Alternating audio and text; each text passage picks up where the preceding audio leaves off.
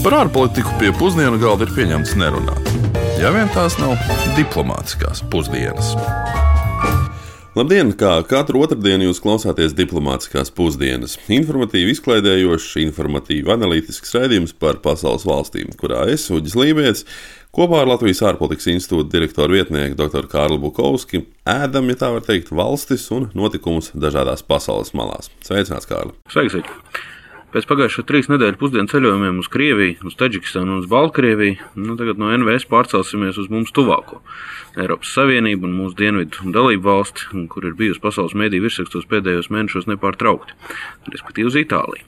Nu jā, Itālija ir ilglaicīgi bijusi robeža valsts, kur joprojām cīnās ar covid-19, neierobežot izplatību gan pašmājās, gan, varam teikt, arī Eiropas Savienības teritorijā. Turklāt Par to ir Itālija samaksājusi arī visbargāko cenu, tie ir gandrīz 16,000 upuru.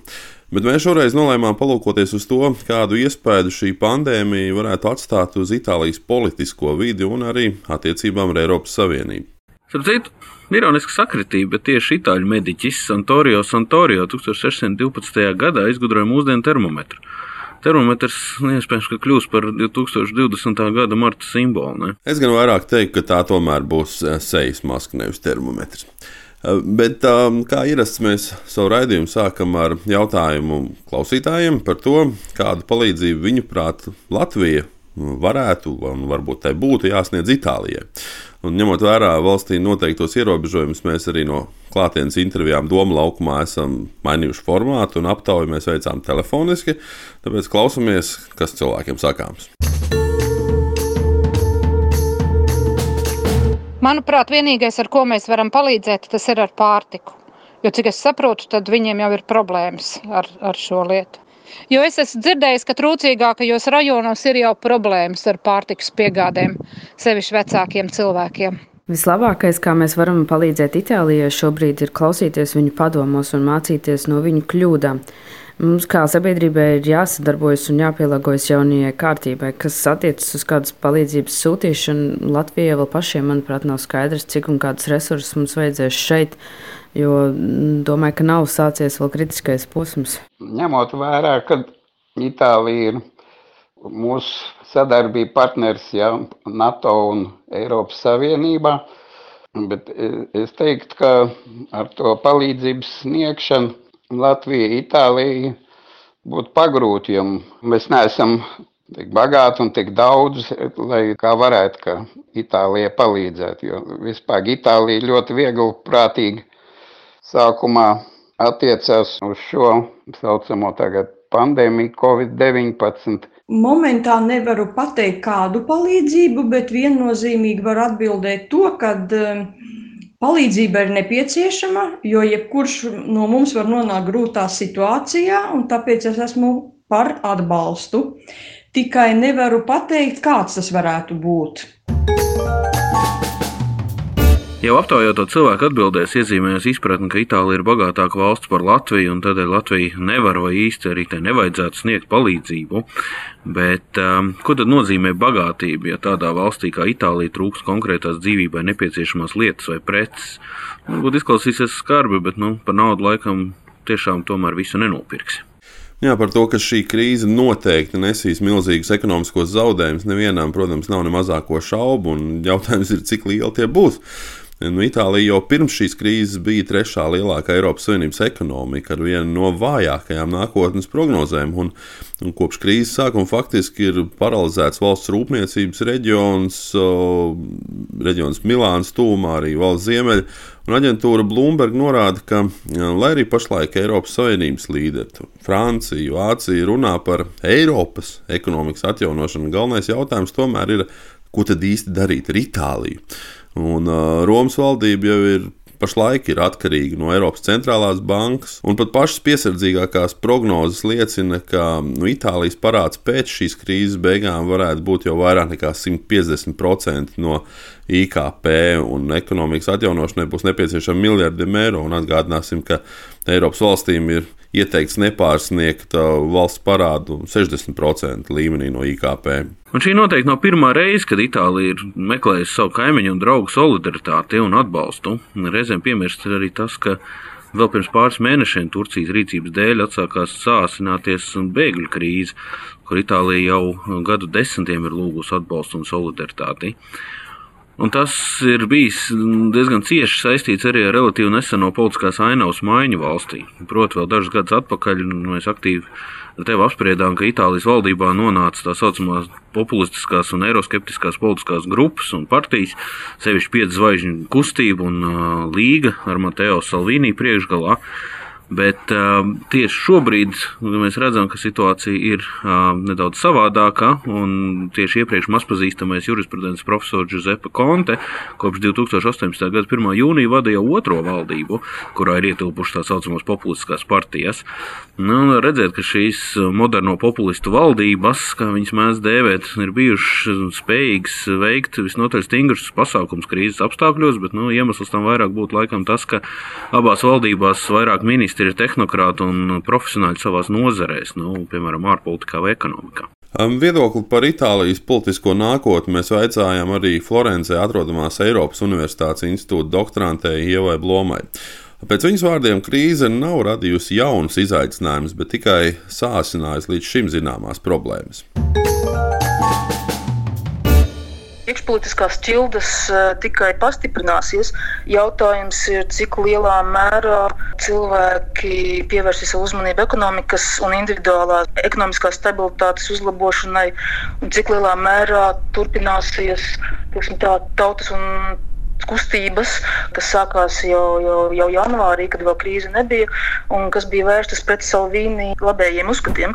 E, šeit es domāju konkrēti tā saucamo kustību sardīnas pret Salvīni, kas aizsākās kontekstā reģionālajām vēlēšanām, un kas diezgan ātri izplatījās daļā Itālijas, un kas bija tieši vērsta uz iepriekšējo Salvīni Salvīni aktivitātēm saistībā ar imigrācijas ierobežošanu. Nu, lūk, es domāju, ka šīs aktivitātes, protams, nepazudīs. Jautājums, cik lielā mērā uh, tās varēs izvērsties. Un te ir atkal, manuprāt, tas aspekts svarīgs starp um, to, cik lielā mērā reģioniem būs uh, ietekme, uh, kādā nebūtu naudas sadalīšanā. Kas ir svarīgi, ir atcerēties, ka Covid krīze faktiski lielā mērā ir veselības aprūpes sektora krīze. Un šajā kontekstā veselības aprūpes sektora pārvaldība ir reģiona kompetence Itālijā. Nu, ir skaidrs, ka arī pēc šīs krīzes politiķi un politikā profesija jau nu nekur nepazudīs. Un, tāpat tās būs politiķi, kuri jau tagad kritizē valdību un kritizēs to arī tad, kad krīze būs beigusies. Un, pat ja pašiem šajā gadījumā konkrēti vai īstenojama piedāvājuma nemaz arī nav. Un, protams, ka atkal tiks meklēt vainīgie, un jau šobrīd var redzēt, ka Itālijā tāds ārējais ienaidnieks jau ir atrasts. Nu, tā ir Eiropas Savienība, protams, un tās institūcijas, un Eiropas Savienības un tās institūciju vainošana pie visām nelaimēm jau ir kļuvusi par tādu kā modes lietu, un tas arī turpināsies tā tālāk. Itālija ir īpaši izcēlusies ar to, ka kritizējas Eiropas Savienību gan par to, ka tā kavējās piešķirt sākotnēji nepieciešamo medicīnisko palīdzību gan par vairāku ziemeļvalstu atteikšanos izdot vienotas um, tā dēvētās korona parādzīmes, lai tādējādi stimulētu atkopšanos no krīzes. Uh, vēlāk Eiropas komisijas prezidenta Urzula Fonderleina pat ir bijusi spiest atvainoties Itālijai par nokavēto reakciju un to, ka daudzas no dalībvalstīm sākumā domāja tikai paši par sevi. Un um, Itālijas premjerministrs Giuseppe Conte arī ir aicinājis Eiropas Savienību nu, izrādīt tomēr lielākas ambīcijas, lielāku vienotību, lielāku drosmi. Un uh, Conte uzsver, ka visas idejas, ar kurām ir Urzula Fonderleja nākus klajā, nav Eiropas cienīgas. Viņš joprojām uzskata, ka nu, būtu nepieciešams izdot tā dēvētās korona obligācijas, kas ļautu dalībvalstīm aizņemties ar izdevīgākiem noteikumiem. Uh, Nu, pret šādu aizņemšanos gan iebilst Vācija, Nīderlanda, arī citas valstis, bet nu, Eiropas komisijas viceprezidents Valdis Dombrovskis gan izdevumā Republika ir atzinis, ka nu, pagaidām tomēr viss vēl līdz galam nav izslēgts. Nu jā, un šajā situācijā tā līdz galai labējā partija līga, kā jau ierasts, tradicionāli ir paudusi savu neapmierinātību un aicinājusi pārskatīt arī Itālijas turpmāko dalību Eiropas Savienībā un Eirozonā. Jā, Mateo Salvini vadītā līga joprojām ir pati populārākā partija Itālijā, un šīs krīzes laikā tā ar grūtībām spēja pievērst sev uzmanību. Tāpēc arī notiek šī pārslēgšanās uz Eiropas tēmām. Nu, tāds interesants piemērs uh, partijas ekonomikas padomnieks Klaudio Borhi ir publicējis otrā pasaules kara laika plakātu, kurā ir redzams smaidīgs nacistu karavīrs ar uzrakstu Vācija patiesi ir jūsu draugs. Nu, un pēc viņu vārdiem laiks ir pagājis, bet taktika paliek tā pati. Tieši tā. Nu, arī politiķa taktika ar otrā pasaules kara piesaukšanu, kur tas vispār nav atbilstoši, ne tikai lai saņemtu ātri politiskos pluspunktus vai pievērstu sev lieku reizi uzmanību, ir, ir, ir kļuvusi par modes lietu. Nu, otrā pasaules kara pieminēšana nevietā nu, varētu kļūt par patstāvīgu žanru politikas zinātnē. Empiriskā materiāla tur jau ir atlika likā. Un visbeidzot, viedokli par Itālijas attiecībām ar Eiropas Savienību vaicājām komentēt arī starptautiskās un Eiropas Savienības politikas profesorai Kalabrijas Universitātē un Eiropas Savienības tiesību profesorai Mediterānijas Universitātē doktorai Donatellai Marijai Violai. Many Italians believe that the European Union is uh, disintegrating before their eyes. Uh, Daudz itāļu uzskata, ka Eiropas Savienība izirst acu priekšā. Par to liecina gan Schengenas vienošanās apturēšana, gan nespēja vienoties par koordinētu veselības politiku. Katra valsts faktiski darbojas par sevi un tā, kā uzskata par vajadzīgu, un tas pilnīgi noteikti kopš pirmās epidēmijas dienas ir veicinājis populistu aicinājumus pilnībā slēgt robežas un ieviest nacionālu izolāciju. Itāļi sajūtās vieni paši pamesti un nodoti. Rezultātā Eiropas Savienības tēls ir sācis dramatiski pasliktināties. Marta beigās publiskotas aptaujas rezultāti liecināja, ka 14% itāļu uzskata, ka Eiropas Savienība palīdz Itālijai cīņā pret koronavīrusu, bet 80% uzskata, ka Eiropas Savienība nepalīdz. 67% atzina, ka dalība Eiropas Savienībā nenāk par labu. Salīdzinājumam 2018. gada novembrī šis skaitlis bija 47%. Tāpēc es baidos, ka šī koronavīrusa epidēmija jau ir atstājusi nopietnu ietekmi uz itāļu attiecībām ar Eiropas Savienību. Pirms aptuveni ceturdaļ gadsimta mēs bijām vieni no pro-eiropeiskākajiem cilvēkiem, taču tagad tā vien liekas, ka tas ir palicis pagātnē. Uh, this now seems, uh, I think, of the past. Šo tēmu mēs varētu noslēgt ar secinājumu, ko aizkadrā arī pieminēja profesora Viola. Lai arī krīžu laikā parasti palielinās valdības un atsevišķu ministru, arī premjerministru popularitāte, tas nebūtu nenozīmē to, ka iedzīvotāju politiskā izvēle un arī partiju preferences mainās. Lai cik būtu paēdis, vienmēr ir vieta arī desertam. Un deserts mums tāds laikam kāds laikiem pienāks. Nedaudz uh, nedaudz skarbi rūktāks, eh, skarbi sūrāks eh, par mafiju. Un šobrīd eh, runa nav tikai anekdotiski par to, ka samazinoties cilvēku klātbūtnē Venecijas ielu ūdeņi kļuvuši tik tīri, ka var redzēt arī to dibenus jau, un mēs visi par to priecājamies.